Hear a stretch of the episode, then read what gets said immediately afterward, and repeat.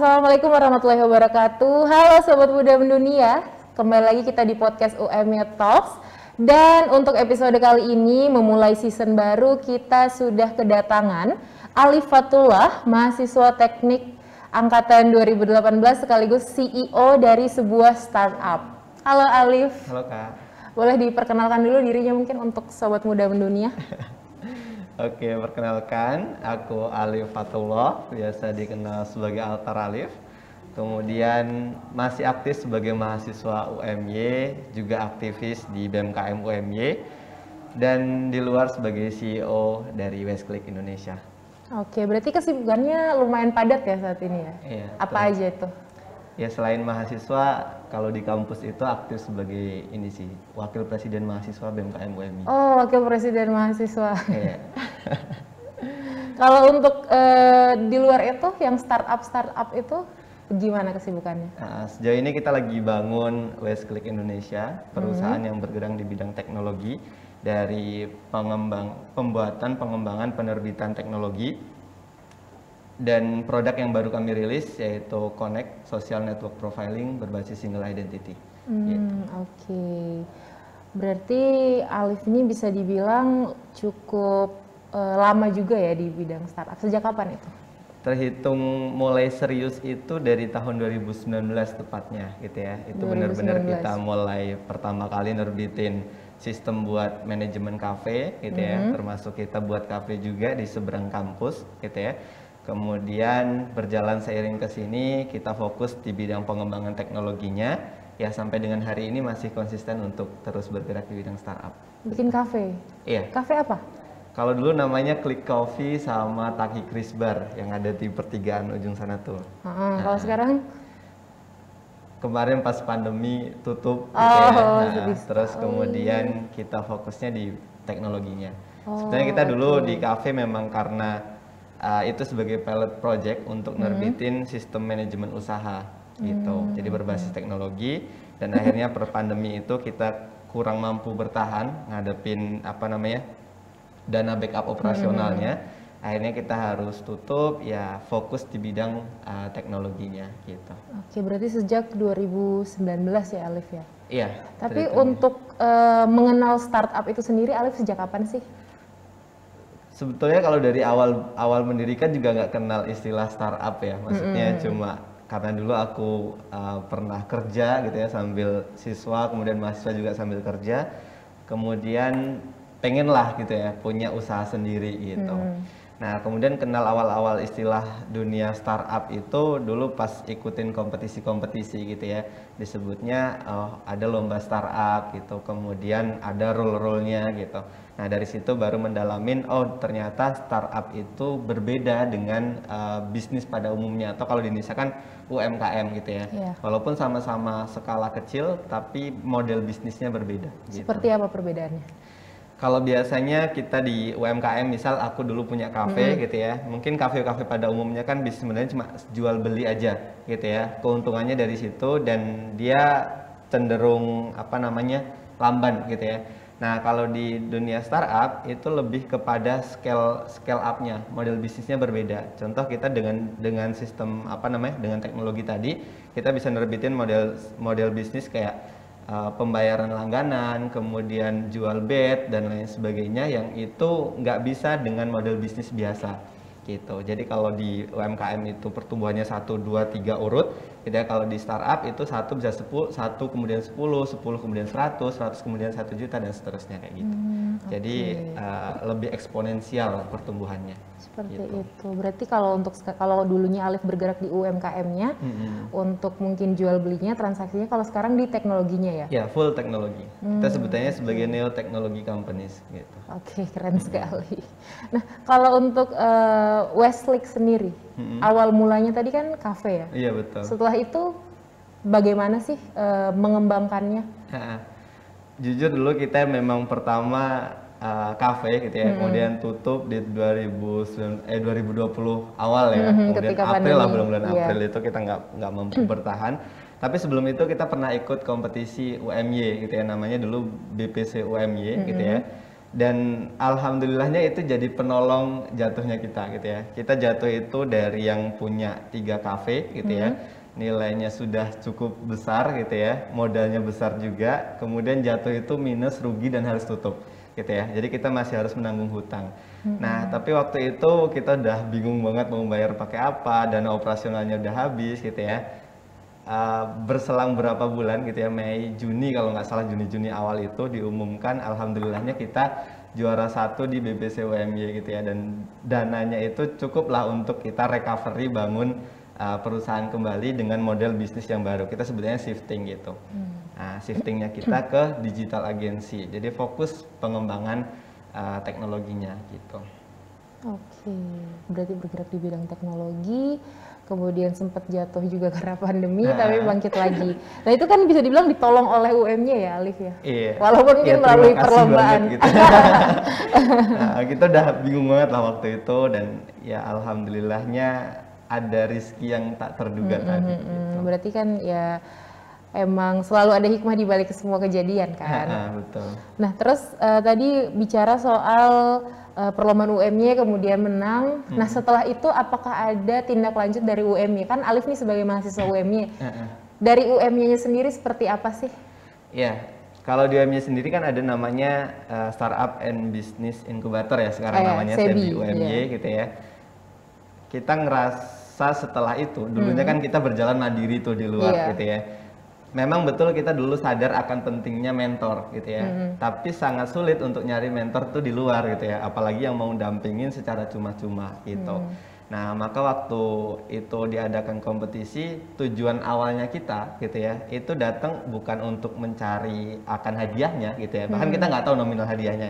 Kita datang itu untuk dikenal bahwasanya ada loh startup dari Iya. UMY yang sudah berjalan, kemudian butuh pendampingan gitu. Nah, dari Sebi UMY sendiri itu kan mendampingi secara cuma-cuma, ngasih mentoring, coaching, pelatihan gitu ya, sampai dengan yang paling penting itu diarahkan kira-kira kamu setelah ini mau ke mana gitu. Nah kita beberapa kali ikut uh, inkuba setelah inkubasi kan ada akselerasi gitu ya entah di apa namanya startup weekend 1000 startup kemudian kita ikut uh, berbagai kompetisi. Nah itu diarahkan dari uh, Sebi UMY sampai yang terakhir kemarin kita ikut di KMI World gitu. Nah itu semuanya ada arahan dan panduannya gitu. arahannya. Setidaknya kalau di film startup itu kan jelas gitu ya arahannya. Uh, kita nggak perlu takut untuk jatuh dan terluka gitu Iya, ya. betul, Tapi betul, ada uh, landasan pasir untuk kamu bisa berjalan lebih lebih aman gitu. Hmm, Oke, berarti UM-nya bisa dibilang memberi support di di bagian ini. Eh, apa? Pendampingan. Iya, pendampingan. Hmm, iya, betul. Memberi support di pendampingan. Nah, selain pendampingan, ada lagi nggak sih support yang diberikan UM-nya mungkin eh, di finansial kah atau di Mm-mm. eh, yang lain? Iya, sebetulnya kalau dalam dunia ini ya pendanaannya itu besar banget gitu ya. Artinya banyak banyak ruang yang bisa diakses. Tapi bentuknya memang nggak tiba-tiba kayak kamu punya startup terus dikasih dana gitu kan nggak. Ada ada jalur-jalurnya lewat jalur kompetisi, kemudian hibah dan lain sebagainya. Nah itu aksesnya sangat terbuka banget gitu. Hmm, Oke, berarti bersyukur sekali ya UM ini punya Sebi berarti. Iya, dulu awal pertama kali masuk UMY serasa, aduh kok keterimanya di UMY gitu kan, ya. dulu belum seperti Iya, sekarang iya, ya. iya. Tapi sekarang setelah masuk gitu ya menjalani beberapa tahun ini, kemudian punya startup sendiri, uh, sekarang berpikirnya adalah kalau dulu aku nggak masuk UMY, apa aku sekarang punya startup sebagus ini gitu. Oke, luar biasa sekali. Keren sih UMY. nah, kita kembali kita kembali ke Westlake. Mm. Untuk saat ini Westlake seperti apa? Ya sejauh ini kita sudah jadi PT kak, Uh, Mm-hmm. PT Westclick Indonesia Neotech. Kemudian kita sudah dapat pre-seed funding gitu ya. Mm-hmm. Kemudian kantor kita ada di uh, Jalan Timoho, OJK Lama Timoho. gitu ya. Oh, OJK OJK Lama. Lama, Nah itu sekarang jadi kantor kita. Sobat muda Gitu. mendunia mungkin yang mau main-main. Nah, boleh banget. Atau yang mau magang juga boleh ya. oh, nerima magang juga Iya, sekarang. uh, Oh, keren. Udah udah berarti udah gede banget ya Alif ya bisa dibilang ya. Atau gimana? Ya dibanding UMY masih jauh lah. Iya. Oke. Nah, terus untuk saat ini Westlake produknya apa aja? Ya, sekarang kita ngembangin Connect gitu ya, social Oh ya, Connect. network profiling berbasis single identity gitu ya. Kemudian selain ngembangin sosial medianya, kita lagi memperkuat uh, algoritma single identity-nya supaya bisa aman gitu ya, kemudian mudah digunakan. Selain model sos- di sosial medianya ada apa aja sih gitu ya, kita lebih kepada profiling gitu ya. Jadi kalau sebagai individu dia ada semacam uh, bio gitu ya, kurikulum vitae yang terintegrasi, kemudian pasti dipercaya. Kemudian kalau sebagai perusahaan dia bisa listing berbagai macam hal gitu ya. Pertama jelas company profile-nya, kemudian ada product and service, kemudian ada job listing, event dan lain sebagainya. Itu untuk uh, Connect sendiri yang baru kemarin kita rilis di 28 Oktober dan alhamdulillah kita ikutkan kemarin juga di KMI dapat juara tiga di ya? kategori teknologi gitu. Nah kalau selain itu kita ada uh, apa namanya customer CMS apa namanya CRM Customer Relationship Management gitu ya. Kalau teman-teman punya project atau pengen kalau di apa mahasiswa kan banyak banget nih startup startup Iya. yang lagi handle project gitu ya. Nah itu bisa pakai uh, platform kita, teman-teman bisa terintegrasi antara customer, kemudian handle projectnya itu dalam satu platform gitu. Nah, kemudian selain itu kita ada university untuk edukasi seputar uh, bisnis dan teknologi gitu. Yang udah running itu kalau yang dikembangkan ada masih banyak, banyak ya? uh, untuk integrasi sistemnya gitu. Oke, luar biasa, keren sekali. nah, kalau tadi Connect itu sempat ikut KMI dan juara ya? Iya, uh-uh. Juara dua kalau juara salah. tiga. Oh, juara tiga. Uh, juara, juara, juara tiga, tiga di bidang. kategori umum di bidang teknologi. Hmm, Oke. Gitu. Nah, itu persiapannya sendiri bagaimana? Nah, Dari sejak pembentukannya deh, boleh dong diceritain dari sejak Ah, iya. awal mula Oke. eh, adanya Connect ini. Heeh. Kalau sebenarnya Connect itu lahir di awal tahun 2021 ya. Awal tahun dulu idenya di awal itu memang Westcliff sudah punya bayangan untuk single identity. Kemudian uh, kita realisasikan dulu ikut event namanya Launchpad, kemudian kita juara dua di sana. Uh, akhirnya kita seriusin untuk oh ini berarti uh, keren nih diakui. Kita ikutkan lagi di, di Disput Park Bandung gitu ya. Kita aplikasi terbaik di sana. Kemudian setelah itu baru kita seriusin untuk bangun platform sampai dengan rilis kemarin di 28 Oktober. Nah, bagaimana dengan kompetisinya? Uh, kemarin ikut KMI Award. Nah, di Westclick sendiri, uh, nama PT kami kan PT Westclick Indonesia Neotech gitu ya. Kalau disingkat WIN gitu ya. Nah, kemudian memang kami punya uh, apa namanya tim gitu ya sebutannya winner team gitu ya untuk ikut uh, kompetisi-kompetisi di bidang startup dan teknologi gitu ya. Nah, salah satunya kalau di WMY memang dulu awal banget uh, aku yang memu- uh, memulai dari Westclick, kemudian kita adakan regenera- regenerasi terus-menerus sampai dengan kemarin Aja Putri, Ika yang angkatan di bawahnya. Harapannya ke depannya juga kita bakal uh, ngajak lagi adik tingkatnya untuk ikut kompetisi lain dengan uh, teknologi-teknologi yang lebih baru tentunya. Di bawah naungan Westlake tentunya ya. Iya, tapi kita di bawah bimbingan saya bisi tepatnya. Oke. Berarti eh, udah juara kemarin terus selanjutnya apa yang Kita akan dilakukan oleh Connect? Mm-mm. Uh, kalau untuk kompetisinya ya, sekarang kita lagi ikut Astra Startup Summit gitu ya. Kalau teman-teman yang lain mau ikut juga boleh masih sampai 15 Desember deadline-nya. Gitu ya. Itu event yang cukup bergengsi juga kalau di bidang startup gitu ya diadakan oleh Astra. Inilah perusahaan Astra gitu ya. Hadiahnya juga cukup cukup besar gitu. Hmm, Oke. Kalau untuk Connect-nya sendiri ke depannya akan seperti apa? Nah. Di bayangan Alif. Oke, kita bakal kalau kemarin kan kita baru rilis di 28 Oktober, kemudian kita adakan adakan grand launching gitu ya untuk produk kami dan integrasinya. Kalau kemarin kita baru rilis single identity, besok kita sudah include dengan integrasi sistemnya gitu ya di connect.id, kemudian di dalamnya ada uh, listing, kemudian apa namanya? termasuk kita nerbitin single card gitu ya, satu kartu untuk bisa digunakan ke semuanya gitu. Jadi kalau di HP kenalan nggak perlu lagi susah-susah kak, tinggal Gimana, di tap gitu aja. Misalnya uh, kak boleh kenalan gitu ya, min- biasanya kan minta nomor HP-nya dulu ya, Iya, namanya kalau- siapa, alamatnya gitu ya. Nah dengan Connect ini kita tinggal tap gini aja, tek gitu maka informasinya sudah Masuk ke HP kita. oke gitu. Wow. Bisa kayak gitu? Iya. Kemudian juga bisa digunakan secara lebih umum ya. Kalau ini kan Hmm. individu antar individu. Sebenarnya yang kita kembangkan lagi dengan single card itu, contoh kalau di UMB kan sudah canggih ya, sekarang pakai RFID itu Ah, yang iya, tinggal di RFID. tap. Nah, teknologi kami dengan kartu itu juga bisa digunakan untuk gerbang otomatis tadi at, eh, tol ya biasanya kayak gitu ya.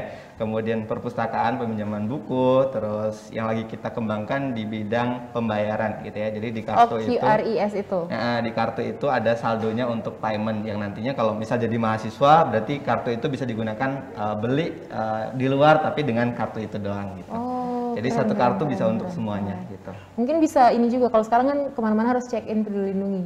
Nah, betul banget gitu ya. Oh, wow, wow, wow, wow. keren. Berarti mungkin Alif ada eh, keinginan atau bayangan untuk kerjasama dengan universitas kali ya, malah. Kalau yang sebenarnya kita niatkan seperti itu, gitu ya. Memang platform kita itu lebih maksimal ketika digunakan di lingkup universitas, gitu ya. Karena tujuan pertama, kalau bentuk eh, single identity-nya itu kan untuk personal branding. Jadi bagaimana membangun personal branding yang nyata dan relasi yang mendalam berbasis single identity. Nah itu penting banget untuk mahasiswa-mahasiswa, gitu ya. Dia misal butuh buat uh, daftar ini magang pertama ya, kemudian dia butuh kerja, kemudian organisasi, semuanya itu butuh kurikulum vitae yang uh, terpercaya gitu ya.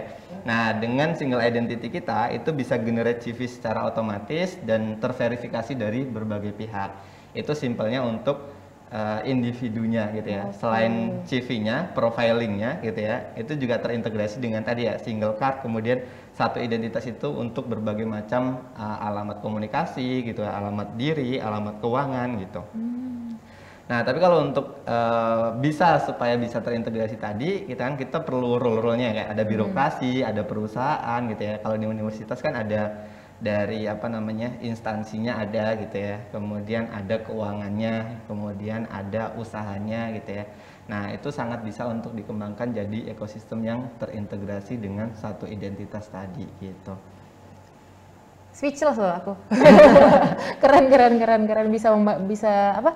Kebayang sampai sana gitu loh. Eh, eh. Hmm, oke. Nah, kalau tadi aku dengar eh, ada merekrut ada tingkat ya, Putri sama Ika. Iya. Nah, berarti untuk ke depannya Westlake ini bisa juga menjadi sebuah eh, wahana atau sarana dari adik-adik tingkat mungkin yang ingin belajar startup lebih jauh ya, Alif ya. Iya betul banget. kita bahkan dampingin beberapa startup gitu. ya. Kalau dulu tahun kemarin ya kemarin kita dampingin beberapa PKM gitu ya pekan kreativitas mahasiswa dan alhamdulillahnya beberapa lolos sampai uh, apa namanya setelah pendana lolos pendanaan terus lolos ke tingkat selanjutnya. Kemudian kita uh, dampingin beberapa uh, ide bisnis untuk diikutkan di startup startup gitu ya. Nah, itu yang kita lakukan gitu ya. Nah, tentu uh, harapannya kalau kita ikut lomba itu sebagai ajang validasi gitu ya. Validasi bahwasanya benar-benar uh, ini tuh dibutuhkan gitu ya, diakui. Kemudian ya kalau sebagai mahasiswa sangat butuh akan namanya prestasi gitu ya. Nah, itu yang kita dorong. Kemudian kamu ini harus jadi mahasiswa yang ideal gitu ya. Ideal itu gimana gitu ya. Kamu IPK-nya bagus gitu ya, prestasinya bagus, organisasinya bagus, kamu punya pengalaman volunteering, kemudian punya startup di luar gitu ya. Nah, kamu bisa dapetin itu semua ketika bareng bersama bersama kita gitu kan. Di Westlake.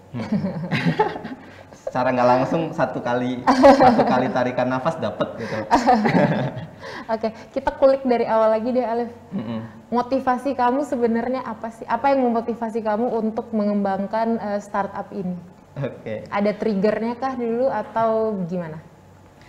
Kalau aku kan lahir memang dari keluarga yang kurang kurang berada ya, Hmm. gitu. Kemudian uh, dulu lahirnya juga di eh lahirnya tinggalnya juga di panti asuhan Hmm. gitu. Kemudian seiring berjalannya ke sini di UMY juga ada pakainya beasiswa gitu ya. Hmm. Artinya perjalanan hidupku itu penuh pertolongan orang lain gitu ya, Hmm. bantu tangan orang lain gitu. Nah, maka dari itu uh, dulu awal mula kenapa aku membangun bisnis gitu ya, alasanku ya karena aku pengen mencatatkan nama aku ini atas nama kebermanfaatan yang tak terhingga gitu. Karena pas aku kerja, aku cuma dapat gaji, gajinya cuma untuk diriku makan udah habis gitu ya. Bahasanya untuk uh, kebaikannya itu sangat-sangat sedikit. Nah, aku pikir dengan membentuk satu startup, satu perusahaan gitu ya yang kemudian tujuannya adalah untuk bagaimana memberikan dampak baik untuk lingkungan sekitar gitu ya. Dari situ aku bisa bisa memberi kebermanfaatan yang lebih lebih lebih lagi gitu. Nah dari situ kemudian ketemu juga namanya Mas Ihwanuddin Arif gitu ya. Dia punya visi yang sama gitu ya. Uh, kemudian memang dari awal uh, kita niatkan kenapa Westclick itu harus berdiri gitu ya. Karena memang uh, dulu sebutannya adalah the new Islamic culture gitu ya. Budaya Islam yang baru tapi dengan balutan teknologi gitu. Nah, maka dengan komitmen itu di awal gitu ya, terus landasan kita untuk berbuat kebaikan, hmm. akhirnya uh, kita harus ada nih gitu ya. Karena masih banyak orang yang ketika datang ke Jogja hmm. itu bingung tempat tinggalnya di mana. Dulu kenapa kita bangun kafe juga kayak gitu. Terus bingung makannya di mana gitu ya. Termasuk teman-teman kita uh, sederet beasiswa gitu ya. Itu ketika cerita kan kalau di beasiswa itu ada ini ya cerita-ceritanya gitu. Kemudian cerita wah awal mula datang itu masih bingung gitu ya nyari tempat tinggal makannya bingung gitu ya. Nah kita hadir sebagai solusi bahwasanya aku nih juga bisa loh uh, berkontribusi gitu ya. Dan awal muasalnya kita bangun di kampus uh, kita pengen Westclick ini jadi prototype sistem buat usaha startup mahasiswa gitu ya. Artinya sebagai mahasiswa kalian tuh bisa loh bangun startup yang bagus mm -hmm. organisasimu bagus prestasimu bagus dan studimu bagus gitu loh. Nah, gimana caranya? Nah, kita lagi ngembangin uh, apa namanya? riset lah di bidang itu sampai sejauh ini. Ya alhamdulillahnya udah berusaha di organisasi aktif, kemudian prestasi aktif, studi lagi diusahakan gitu. kemudian, Aku doain. kemudian startup juga alhamdulillahnya cukup berkembang gitu ya. Oh, nah, dari okay. situ ke depannya kalau teman-teman mau bikin usaha, tinggal lihat jejak recordnya apa yang perlu dilakukan gitu. Hmm, Oke okay, luar biasa sekali Alif ini sobat muda mendunia berarti uh, pure ya Alif ya niatnya dari awal untuk uh, memberikan kebermanfaatan bagi orang Betul. lain ya. Oke okay, bisa menjadi motivasi juga nih buat sobat muda mendunia yang mungkin uh, dari kemarin berpikir apa sih yang bisa aku lakukan untuk orang-orang di sekitarku mungkin bisa dimulai dengan mem membuat usaha ya Alif ya? Hmm. Sebenarnya nggak harus nggak harus bikin usaha sih ya, hmm. sesuai kapasitas kemampuannya masing-masing juga gitu. Okay. Tapi yang paling penting adalah peka terhadap masalah yang ada di lingkungan sekitar. Betul gitu betul ya. betul itu penting Kalau sih. kita sudah ngerti kira-kira masalahnya apa, nah dimulai dari situ dulu gitu ya. Dulu awal masanya uh, kenapa kita sekalian bikin kafe, nggak cuma teknologinya aja. Hmm. Kita berpikir kalau teman-teman kesusahan makan gitu ya tinggal datang aja ke kafe kita hmm. gitu ya. Terus kalau teman-teman bingung tidurnya di mana gitu ya, datang aja ke kafe kita gitu. Nah, dulu sesimpel itulah cita-citaku sama Mas Arief gitu ya, phone berdua, kemudian kita realisasikan. Eh, niatan kita sudah bagus uh, apa namanya? sudah seneng ya maksudnya bisa berdampak seperti itu, kemudian bisa buka kafe yang selanjutnya tapi kita nggak nyangka gitu ya kalau ada yeah. pandemi datang gitu yang di mana uang kita habis buat modal ternyata pandeminya itu bener-bener jatuhnya pendapatan iya, iya, kita iya. tuh turun lebih dari 90% ya. Awal-awal gitu. pandemi itu bener-bener mm, chaos lah karena lockdown mm, gitu ya. Karena kita juga masih bingung kan apa sih nah. yang harus dilakukan. Nah, kalau untuk sekarang kan kayak udah oh kebayang lah. Iya, betul. Mm, mm, Oke, okay, keren sekali Alif, luar biasa loh cerita-ceritanya. Aku juga jadi termotivasi untuk bikin startup. Ayo bikin bareng. boleh boleh. Nah sayang sekali nih Alif pertemuan kita harus terbatas oleh waktu, tapi mungkin uh, sebelum kita tutup boleh dong kasih satu uh, mungkin kalimat atau semangat untuk teman-teman sobat muda dunia yang baru mau untuk uh, membuat startup juga, atau hmm. mungkin sebenarnya sudah ada ide, tapi kayak aduh gimana ya caranya? Nah boleh dong. Iya dari kecil gitu ya mm-hmm. aku selalu diajarkan untuk percaya akan namanya doa gitu ya. Uh, karena Allah berjanji gitu ya bahwasanya doa itu pasti akan dikabulkan. Kalau nggak sekarang nanti diganti waktunya kalau nggak diganti waktunya bakal diganti yang lebih baik kalau nggak di dunia pasti bakal diganti di akhirat kelak. Nah dari situ aku juga percaya bahwasanya mimpi adalah bagian dari doa gitu kan Nah, maka dari dulu aku diajarkan banget untuk uh, kamu nih harus list list mimpimu itu apa aja gitu ya. Hmm. Apa yang bakal kamu capai gitu. Nah, maka untuk teman-teman semua gitu ya, jangan pernah takut untuk bermimpi gitu ya dan bermimpilah setinggi mungkin karena Allah akan memeluk mimpi-mimpimu. Wah, gitu. keren sekali closing statementnya. Oke, sobat muda dunia, itu tadi perbincangan kita dengan Alif. Semoga apa yang sudah diperbincangkan bisa menjadi sebuah motivasi untuk sobat muda dunia untuk seperti tadi yang dibilang oleh Alif, jangan takut untuk uh, memeluk mimpimu. Sampai di sini dulu Sobat Muda Mendunia, kita ketemu di UMY Talks episode selanjutnya.